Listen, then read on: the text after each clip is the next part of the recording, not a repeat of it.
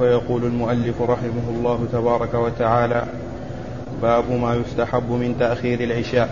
قال أخبرنا سويد بن نصر قال حدثنا عبد الله عن عوف عن سيار بن, عن سيار بن سلامة قال دخلت قال دخلت أنا وأبي على, على أبي برزة الأسلمي فقال له أبي أخبرنا كيف كان رسول الله صلى الله عليه وسلم يصلي المكتوبة.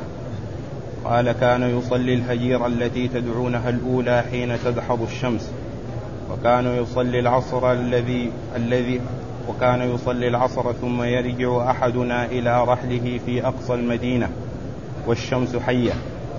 قال ونسيت ما قال في المغرب. قال وكان يستحب أن تؤخر صلاة العشاء التي تدعونها العتمة. قال وكان يكره النوم قبلها والحديث بعدها. وكان ينفتل من صلاة الغداة حين يعرف الرجل جليسه وكان يقرأ بالستين إلى المئة. بسم الله الرحمن الرحيم. الحمد لله رب العالمين وصلى الله وسلم وبارك على عبده ورسوله نبينا محمد وعلى آله وأصحابه أجمعين. أما بعد باب ما يستحب من تأخير العشاء. هذه ترجمة عقدها النسائي للاستدلال على أن صلاة العشاء يستحب تأخيرها ما لم أي ما لم يكن هناك مشقة على المصلين. وقد أورد النسائي في هذه الترجمة عدة أحاديث. أولها حديث أبي برزة الأسلمي رضي الله تعالى عنه. يقول سيار بن سلامة دخلت أنا أنا وأبي على أبي برزة الأسلمي فسأله أبي عن صلاة رسول الله صلى الله عليه وسلم فقال كان يصلي المكتوبة. الهجيرة؟ كان يصلي الهجيرة التي تدعونها كان يصلي الهجيرة التي تدعونها الأولى. الهجير هي الظهر لأنها تأتي في الهاجرة. قال تدعونها الأولى.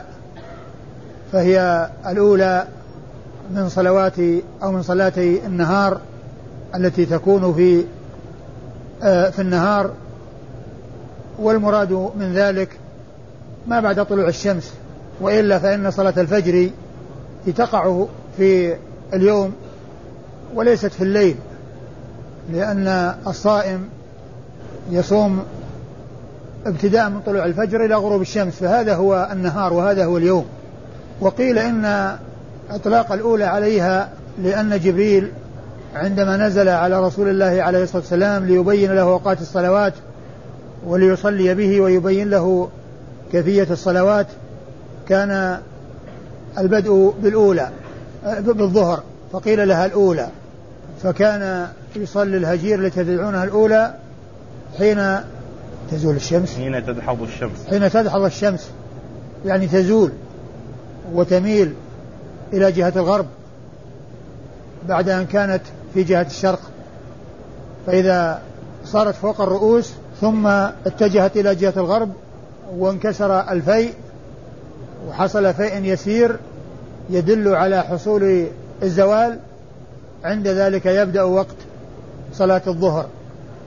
يبدأ وقت صلاة الظهر. أيوة. وكان يصلي العصر ثم يرجع أحدنا إلى رحله في أقصى المدينة في أقصى المدينة والشمس حية. وكان يصلي العصر ثم يرجع أحدنا إلى أهله في أقصى المدينة والشمس حية.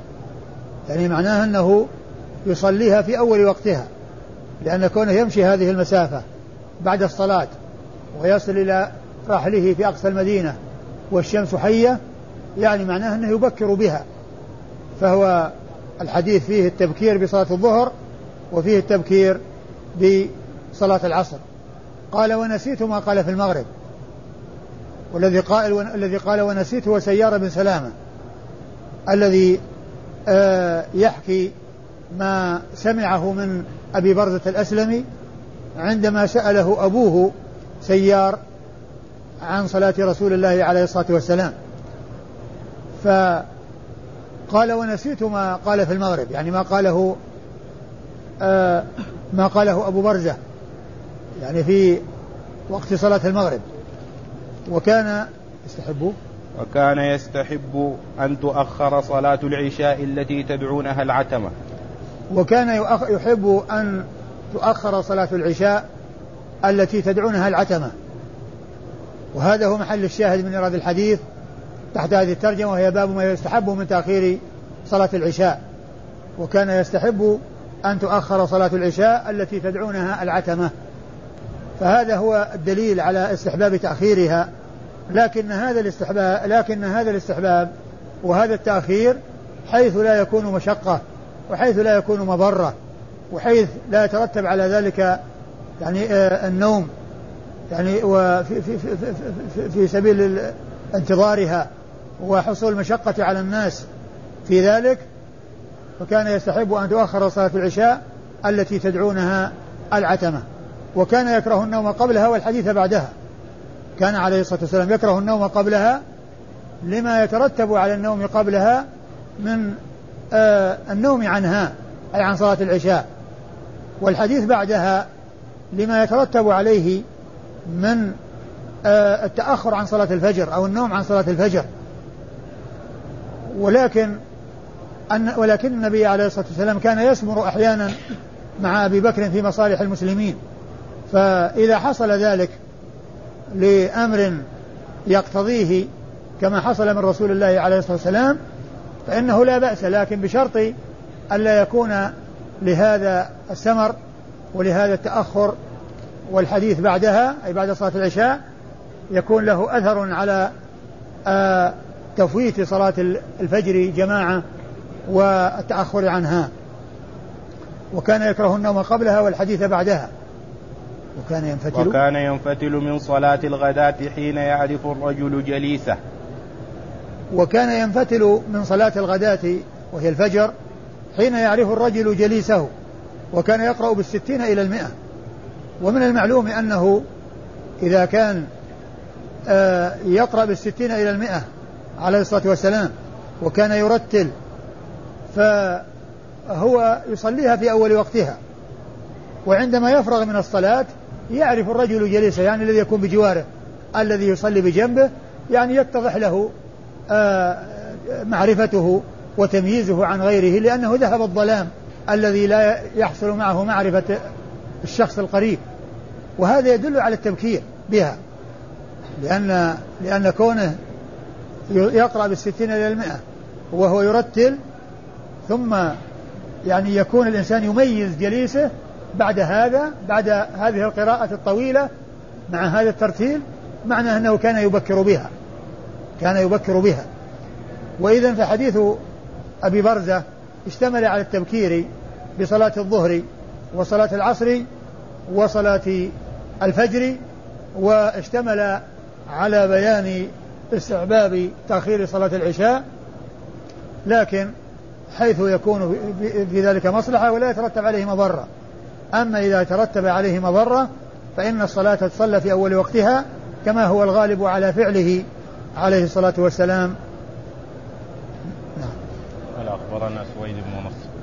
يقول النسائي في الإسناد أخبرنا سويد بن نصر.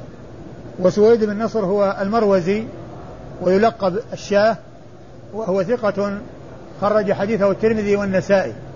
لم يخرج له البخاري ومسلم ولا أبو داود ولا ابن ماجه وإنما خرج له اثنان من أصحاب السنن الأربعة وهما الترمذي والنسائي وهو ثقة. يقول حدثنا عبد الله وأخبرنا عبد الله وعبد الله هو ابن المبارك المروزي أيضا وهو من مرو كتلميذه سويد بن نصر. بل سويد بن نصر راويته المعروف بالرواية عنه.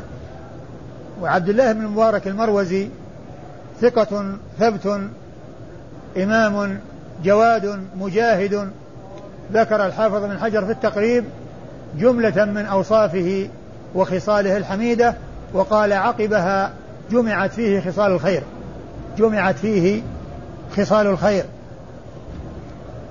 وحديثه عند أصحاب الكتب الستة. حديث عبد الله المبارك خرجه أصحاب الكتب الستة. عن عوف. عن عوف وهو ابن أبي جميلة الأعرابي. عوف بن أبي جميلة الأعرابي وهو ثقة خرج حديثه أصحاب الكتب الستة. عن سيار بن سلامة وهو الرياحي وهو ثقة خرج حديثه أصحاب الكتب الستة أيضا. عن أبي برزة الأسلمي وهو نضلة بن عبيد رضي الله تعالى عنه وحديثه خرجه أصحاب الكتب الستة. قال أخبرني إبراهيم بن الحسن ويوسف بن سعيد واللفظ له. قال حدثنا حجاج عن ابن جريج. قال قلت لعطاء أي حين أحب إليك أن أصلي العتمة إماما أو خلوا قال سمعت ابن عباس رضي الله عنهما يقول اعتم رسول الله صلى الله عليه وسلم ذات ليلة بالعتمة حتى رقد الناس واستيقظوا ورقدوا واستيقظوا. فقام عمر رضي الله عنه فقال الصلاة الصلاة. قال عطاء. قال ابن عباس رضي الله عنهما خرج رسول الله صلى الله عليه وسلم كأني أنظر إليه الآن. يقطر رأسه ماء واضعا يده على شق رأسه. قال وأشار فاستثبت عطاء كيف وضع النبي صلى الله عليه وسلم يده على رأسه. فأومأ إلي كما أشار ابن عباس رضي الله عنهما. فبدد لي عطاء بين أصابعه بشيء من تبديد. ثم وضعها فانتهى أطراف أصابعه فانتهى أطراف أصابعه إلى مقدم الرأس ثم ضمها يمر بها كذلك على الرأس حتى مست إبهاماه طرف الأذن مما يلي الوجه ثم على الصدغ وناحية الجبين لا يقصر ولا يبطش شيئا لا يقصر ولا يبطش شيئا إلا كذلك ثم قال لولا أن أشق على أمتي لأمرتهم ألا يصلوها إلا هكذا. ثم أورد النسائي حديث من؟ حديث؟ حديث ابن عباس. حديث عبد الله بن عباس رضي الله تعالى عنهما الذي أخبر فيه أن النبي عليه الصلاة والسلام أخر يوما صلاة العشاء والناس ينتظرونه فاستيق... فناموا ثم استيقظوا. ثم ناموا ثم استيقظوا وأوذن عليه الصلاة والسلام بالصلاة فخرج ورأسه يقطر ماء ثم وصف عطاء بن أبي رباح آآ آآ كيفية الهيئة التي كانت يد رسول الله عليه الصلاة والسلام على رأسه حين خرج عليهم ورأسه يقطر ماء يعني أنه يعصر هذا الماء الذي في رأسه. بيده حيث يمرها عليه ليخفف الرطوبة التي علقت به. وهذا يشير إلى أنه حصل له اغتسال أو حصل منه اغتسال صلوات الله وسلامه وبركاته عليه. فقال لولا أن أشق, أشق على, على أمتي لا أمرتهم أن أن يصلوا الصلاة هكذا يعني في هذا الوقت. يعني لكن لما يحصل له من المشقة كان الغالب على عادته أنه يبكر بها ولكنه فعل هذا ليبين فضيلة التأخير وأنه لولا المشقة لكان حصول ذلك هو الأولى وهو المقدم على غيره. وقوله استيقظوا ناموا واستيقظوا وناموا واستيقظوا يحتمل أن يكون هذا حصل منهم عن جلوس ويكون هذا هو الذي يكون نعاس مع التمكن ويحتمل أن يكون عن اضطجاع ولكن يكون معه وضوء ولم يذكر الوضوء لأن لما علم من النوم أن النوم ناقض للوضوء وأنهم يتوضؤون من, من النوم إلا إذا حصل النوم اليسير الذي هو نعاس في حال جلوس وتمكن وكل إنسان يخفق رأسه وإذا خفق رأسه تنبه فإن هذا لا لا ينقض الوضوء لا ينقض الوضوء وإنما الذي ينقض الوضوء هو النوم المتمكن أو الطويل أو الذي يكون عن طريق الضجاع أو عن جلوس مع تمكن أو نوم يحصل معه غطيط ورؤى آه، وأحلام وما إلى ذلك من النوم العريض أو الطويل الذي آه، يكون مظنة لانتقاض الوضوء بخروج ريح. كما جاء في الحديث الآخر العين وكاء السهم. فإذا نامت العينان استطلق الوكاء. إذا نامت العينان استطلق الوكاء. وكان أصحاب رسول الله عليه الصلاة والسلام ينتظرون الصلاة فتخفق رؤوسهم يعني آه، وهم جالسون. ثم يقومون إلى الصلاة ولا يتوضؤون.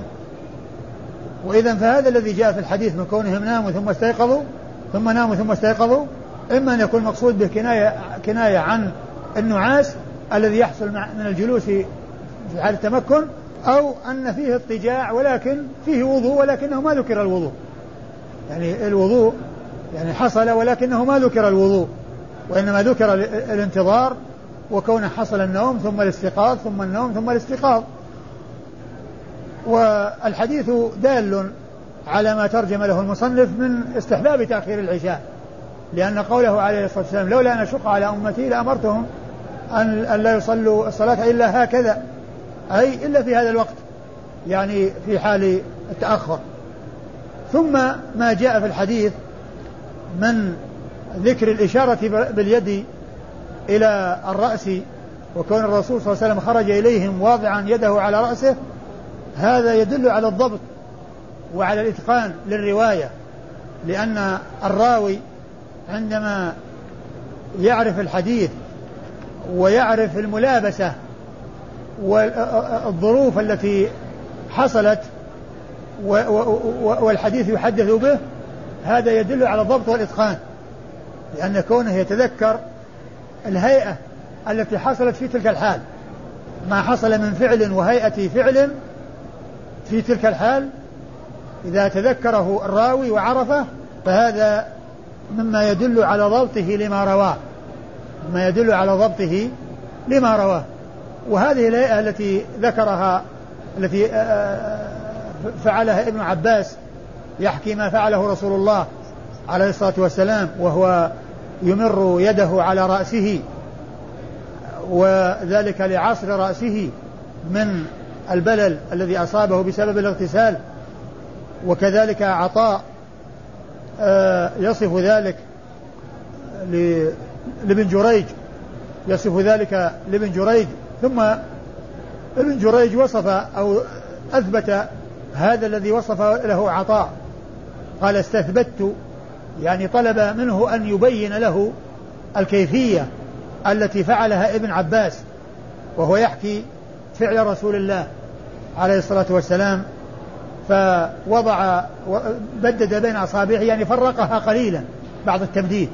يعني بدل ما كانت آه، الأصابع ملتصقة فرق بينها.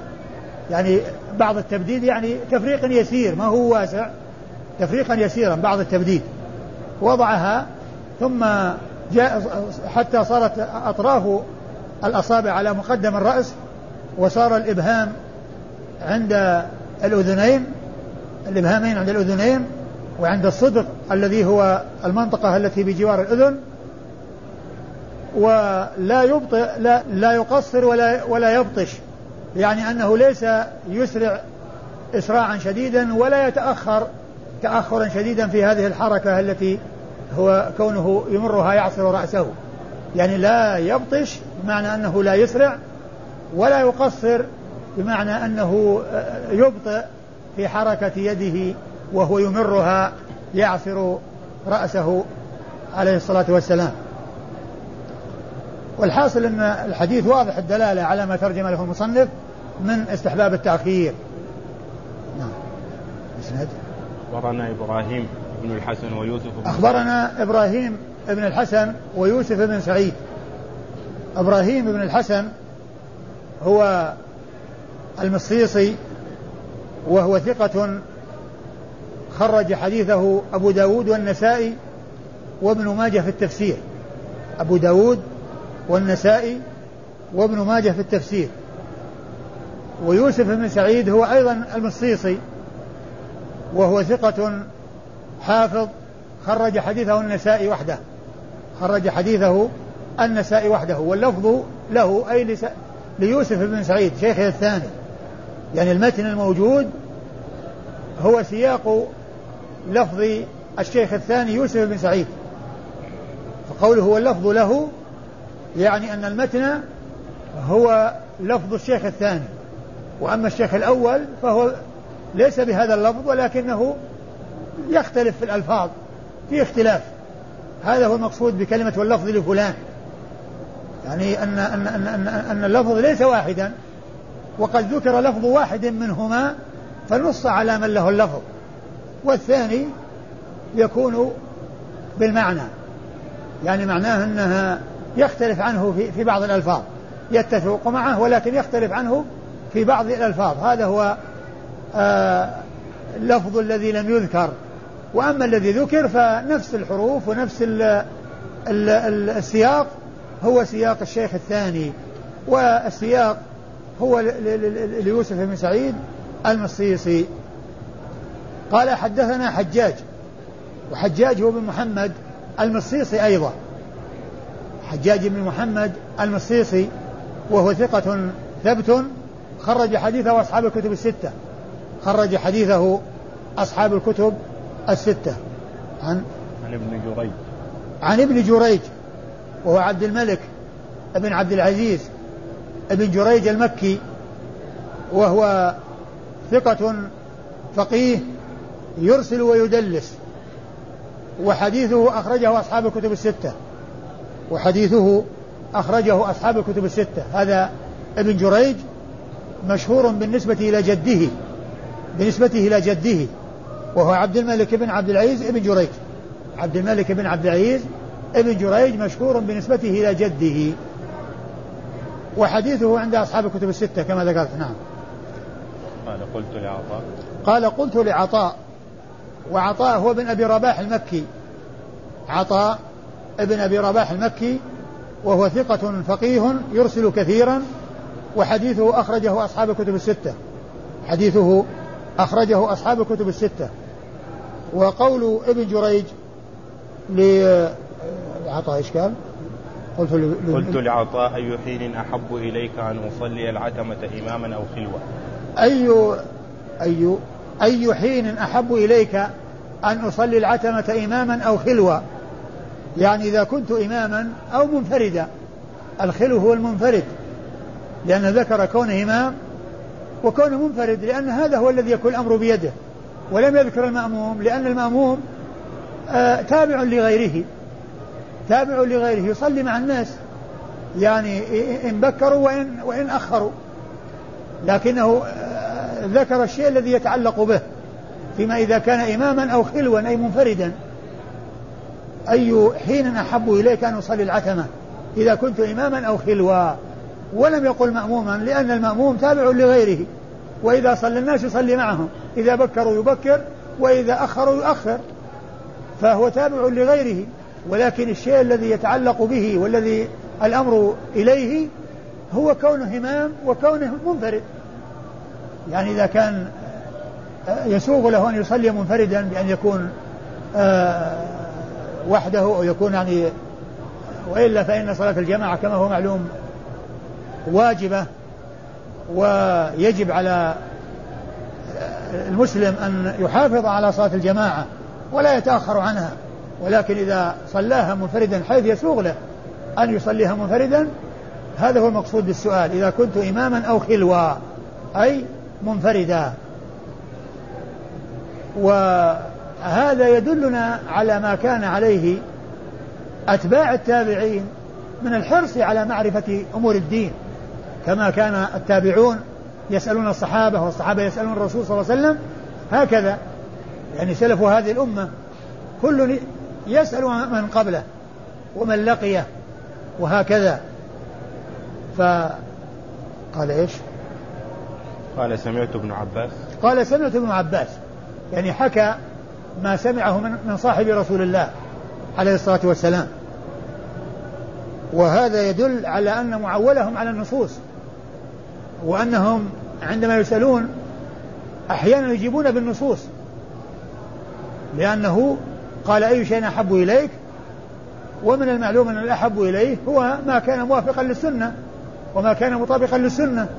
فحكى ما سمعه من صاحب رسول الله عليه الصلاة والسلام ابن عباس وهو أن النبي صلى الله عليه وسلم أخر صلاة العشاء. أخر صلاة العشاء.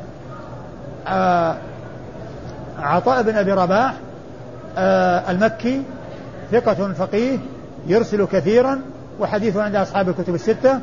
وأما ابن عباس فهو عبد الله بن عباس ابن عبد المطلب الهاشمي ابن عم رسول الله عليه الصلاة والسلام وهو من صغار الصحابة. توفي آه، آه، في حجة رسول الله عليه الصلاة والسلام. كان قد ناهز الاحتلام كما جاء في في حديث حديث ركوبه على الأتان الذي قال أنه قدم أنه جاء راكبا على أتان والرسول يصلي بالناس بمنى قال وقد ناهزت الاحتلام. وقد ناهزت الاحتلام. فهو وهو أحد العبادلة الأربعة في الصحابة الذين هم من صغار الصحابة وهم عبد الله بن عباس وعبد الله بن عمر وعبد الله بن عمر وعبد الله بن الزبير. العبادلة الأربعة. وليس فيهم عبد الله بن مسعود لأن عبد الله بن مسعود كبير متقدم عليهم. لأنه توفي سنة 32 وأما هم فكانوا من صغار الصحابة وكان تأخروا بعد ابن ابن مسعود كثيرا وكانوا في عصر واحد فكان يقال لهم العبادلة. عندما يقال في مسألة قال بها العبادلة الأربعة من الصحابة المراد بهم هؤلاء الأربعة ابن عباس وابن عمر وابن عمرو وابن الزبير رضي الله تعالى عنهم وعن الصحابة أجمعين. وعبد الله بن عباس هو أحد السبعة المكثرين من رواية الحديث عن رسول الله عليه الصلاة والسلام والذين زادت أحاديثهم على ألف حديث حديث الواحد منهم على ألف حديث والذين ذكرهم السيوطي في ألفيته حيث قال والمكثرون في رواية الأثر أبو هريرة يليه بن عمر وأنس والبحر كالخدري وجابر وزوجة النبي المقصود بالبحر ابن عباس والبحر والحبر حبر الأمة وترجمان القرآن. رضي الله تعالى عنه وأرضاه نعم. وقال أخبرنا محمد بن منصور المكي قال حدثنا سفيان عن عمرو عن عطاء عن ابن عباس رضي الله عنهما وعن ابن جريج عن عطاء عن ابن عباس رضي الله عنهما قال أخر النبي صلى الله عليه وسلم العشاء ذات ليلة حتى ذهب من الليل فقام عمر رضي الله عنه فنادى الصلاة يا رسول الله. رقد النساء والولدان. فخرج رسول الله صلى الله عليه وسلم والماء يقطر من رأسه. وهو يقول إنه الوقت لولا أن أشق على أمتي. ثم ذكر النسائي حديث ابن عباس من طريقة أخرى. وهو بمعنى الذي قبله. أن النبي صلى الله عليه وسلم أخر الصلاة ذات ليلة. يعني في يوم من الأيام. وهذا الإشارة إلى قلة هذا العمل. لأن قال ذات ليلة يعني شيء نادر. والغالب على فعله أنه يقدم الصلاة ويبكر بها. وكان يمنعه من تأخيرها ما يخشاه من المشقة على أمته. فلما أخر الصلاة ذات ليلة ورقد النساء والصبيان جاء عمر وقال يا رسول الله الصلاة رقد النساء والصبيان. والمقصود بقوله رقد النساء والصبيان يحتمل أن يكون الذين جاءوا للمسجد ويحتمل أن يكون الذين كانوا في البيوت ينتظرون النساء تنتظر الأزواج والأولاد ينتظرون الآباء ليأتوا من الصلاة. وقد تأخروا عليهم في المسجد في انتظار الصلاة. فيحتمل أن يكون هؤلاء الذين رقدوا. ومن المعلوم أن, أن, أن, أن هذا لا يختص في المسجد لأن حتى غير النساء والصبيان يحصل منهم النوم. ولهذا جاء في الحديث في الطريقة الأخرى آه، آه، نمنا ثم استيقظنا ثم نمنا ثم استيقظنا. يعني مو مسألة خاصة بالنساء والصبيان. لكن آه، ذكر النساء والصبيان يحتمل أن يكون المراد به كونهم حصل منهم مع غيرهم في المسجد أو أنه حصل منهن في البيوت. وذلك لأن النساء ينتظرن الأزواج والصبيان ينتظرون الآباء. فالرسول صلى الله عليه وسلم خرج عليهم يقطر رأسه وقال إنه الوقت أي الأكمل والأفضل. إنه الوقت. الذي ينبغي أن يحصل أو الذي هو أفضل من غيره لولا أن أشق على أمته لولا المشقة على أمته. وهذا يدل على كمال شفقته ورفقه بأمته عليه الصلاة والسلام وحرصه على آه البعد أو بعد إبعادها عما فيه عنتها ومشقتها صلوات الله وسلامه وبركاته عليه. الإسناد. أخبرنا محمد بن منصور. أخبرنا محمد بن منصور المكي. سبق أن مر ذكر محمد بن منصور كثيرا. لكنه لا ينسبه وإنما يقول محمد بن منصور. والنسائي له شيخان كل منهما محمد بن منصور. أحدهما طوسي والثاني مكي. وسبق أن ذكرنا فيما مضى أن كونه يروي عن سفيان سفيان بن عيينة مكي ومحمد بن منصور الجواز مكي قالوا فيكون آه، الأقرب أن يكون المراد به محمد منصور الجو الجواز الذي هو المكي لأن سفيان بن عيينة مكي وهذا مكي اللي هو محمد منصور الجواز. لكن هذا الإسناد فيه تعيين ذلك المهمل في المواضع المتعددة. التي مضت لأنه قال المكي فخرج الطوسي خرج احتمال الطوسي محمد بن منصور الطوسي. فهذا فهذا الموضع يبين أن يبين أن المراد بالمهمل في المواضع المختلفة التي كان يذكرها النسائي ويسكت عنها أو عن تمييزه أن المراد به المكي الذي هو الجواز. الذي هو الجواز وليس الطوسي وليس الطوسي. ومحمد بن منصور الجو المكي الجواز ثقة خرج حديثه النسائي وحده. خرج حديثه النسائي وحده لم يخرج له أحد من أصحاب الكتب. وهذه من الطرق التي يعرف بها تعيين المهمل. يعني كونه يعني يذكر في بعض المواضع آه، منسوب. يعني يأتي ما ما يبين المراد كما هنا. هذا الموضع بين فيه من هو منصور أحمد المنصور وأنه المكي وليس الطوسي. والمواضع التي تقدمت كلها محمد بن منصور فقط وهو يحتمل الطوسي ويحتمل المكي. لكن لما جاء التصريح بالمكي هنا عرف بأن آآ آه، آآ آه، هذا أيضا آه، نص من النسائي على تعيينه ولو لم يحصل التعيين فرواية المكي عن المكي هي الغالب. وإن كان قد يروي عن غير المكي إلا أنه عند الإطلاق يحمل على من له به خصوصية وله به اتصال ومن يكون في متناوله يتصل به في كل وقت وحين فيما إذا كان من بلد واحد. بخلاف إذا كان الشيخ في بلد آخر فإنه لا يحصله إلا برحلة. لا يحصله إلا برحلة وبسفر. والسفر لا يدوم. يجلس مدة ثم يذهب. لكن من يكون معه في البلد يلازمه وكلما أراد أن يأخذ عنه ذهب إليه وكلما أراد أن يتعلم منه ذهب إليه. فهذه الطريقة التي يعرف بها أو يكون بها تمييز المهمل. عن سفيان وسفيان هو بن عيينة المكي وهو ثقة خرج حديثه أصحاب الكتب الستة. عن عن عمرو. عن عمرو بن دينار المكي. عمرو بن دينار المكي وهو ثقة خرج حديثه أصحاب الكتب الستة. عن عن عطاء. عن عطاء وهو بن أبي رباح المكي. وهو كما ذكرت آه ثقة فقيه يرسل كثيرا وحديثه عند أصحاب الكتب الستة. عن ابن عباس. عن ابن عباس وقد مر ذكره وكان بمكة ثم خرج إلى الطائف. فعلى هذا يكون الإسناد مسلسل بالمكيين لأن محمد بن منصور مكي وسفيان بن عيينة مكي وعمرو بن دينار مكي و عمرو بن دينار وعطاء بن أبي رباح مكي وابن عباس كان مكيا في بعض أحواله فهو مسلسل بالمكيين. وكلهم حديثهم عند أصحاب الكتب الستة إلا محمد بن منصور الجواز فإنه أخرج له النسائي وحده. محمد بن منصور الجواز أخرج له النسائي وحده.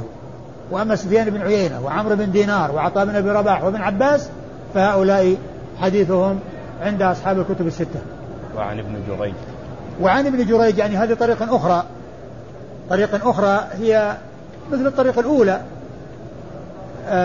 لأن آه، سفيان بن عيينة هنا يروي عن شيخين يعني عن عن آه عن هنا عطاء. في الإسناد الإسناد اللي معنا. عطاء يروي عن عمرو. لا سفيان بن عيينة عن عمرو نعم. إيه. سفيان عن عمرو عطاء عن عطاء وهنا وابن جريج. إيه. وسفيان عن ابن جريج عن عمرو عن عطاء. عن آه، عن عن ابن عن جريج. عن عطاء. عن ابن جريج عن ابن جريج عن عطاء. ال- الاسنادان متفقان من حيث ال ال ال العلو يعني أو النزول ليس بينهما فرق. يعني سفيان بن عيينة يروي عن عن عن عن عمرو. عن عمرو عن عطاء. ويروي عن ابن جريج عن عطاء. وكل وعطاء يروي عن ابن عباس. وقد مر ذكر ابن جريج و يعني في في, في الإسناد السابق. وقال أخبرنا قتيبة قال حدثنا أبو الأحوص عن سماك عن جابر بن سمرة رضي الله عنه أنه قال كان رسول الله صلى الله عليه وسلم يؤخر العشاء الآخرة ثم أورد النسائي حديث جا آه، جابر.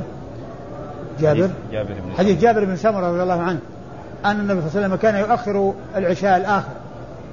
كان يؤخرها وهذا هو المقصود من الترجمة. كان ما يستحب من تأخير العشاء. النبي كان يؤخرها يعني أحيانا. وليس هذا الغالب على فعله بل هو القليل من فعله عليه الصلاة والسلام عليه الصلاة والسلام. والغالب على فعله أنه كان يبكر خشية المشقة على الناس. هذا هو الذي يمنعه من التأخير. يمنعه من التأخير ما يخشاه من المشقة عليهم. فكان يؤخر يعني في بعض الأحوال ليس دائما.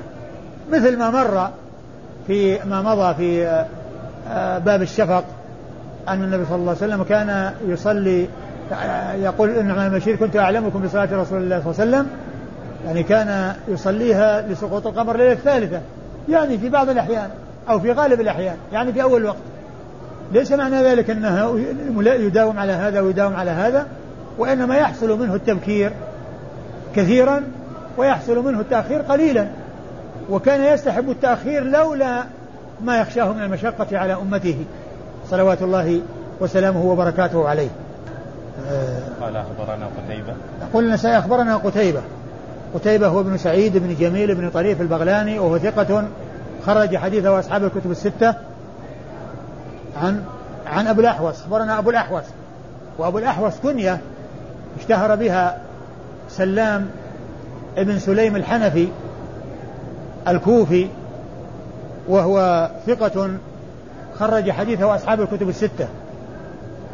وهو مشهور بكنيته أبو الأحوص سلام بن سليم الحنفي الكوفي. عن سماك. عن سماك بن حرب. عن سماك ابن حرب وهو صدوق خرج له البخاري تعليقا ومسلم وأصحاب السنن الأربعة. عن جابر بن سمرة. عن جابر بن سمرة صاحب رسول الله صلى الله عليه وسلم رضي الله تعالى عنه وعن الصحابة أجمعين وهو جابر بن سمرة بن جنادة السوائي. جابر بن سمرة بن جنادة السوائي صحابي ابن صحابي.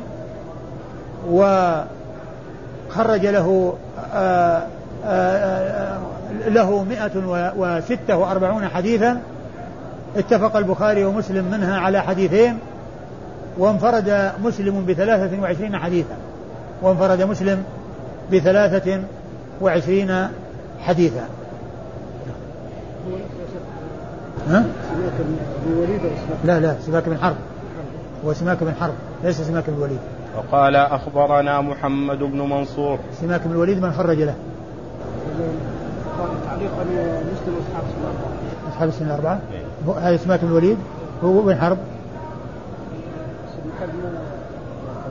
قبله. سماك بن الوليد هو الحنفي لا لا هذا اللي هو ذاك اللي قبله. من خرج له؟ من خرج له؟ ما هو عندك التقريب شوف من خرج له. لا أكون وهمت في الاحوص رواه سماك بن الوليد لا لا سماك بن حرب. ها؟ ترجمة إيش؟ لا بهذا من خرج له.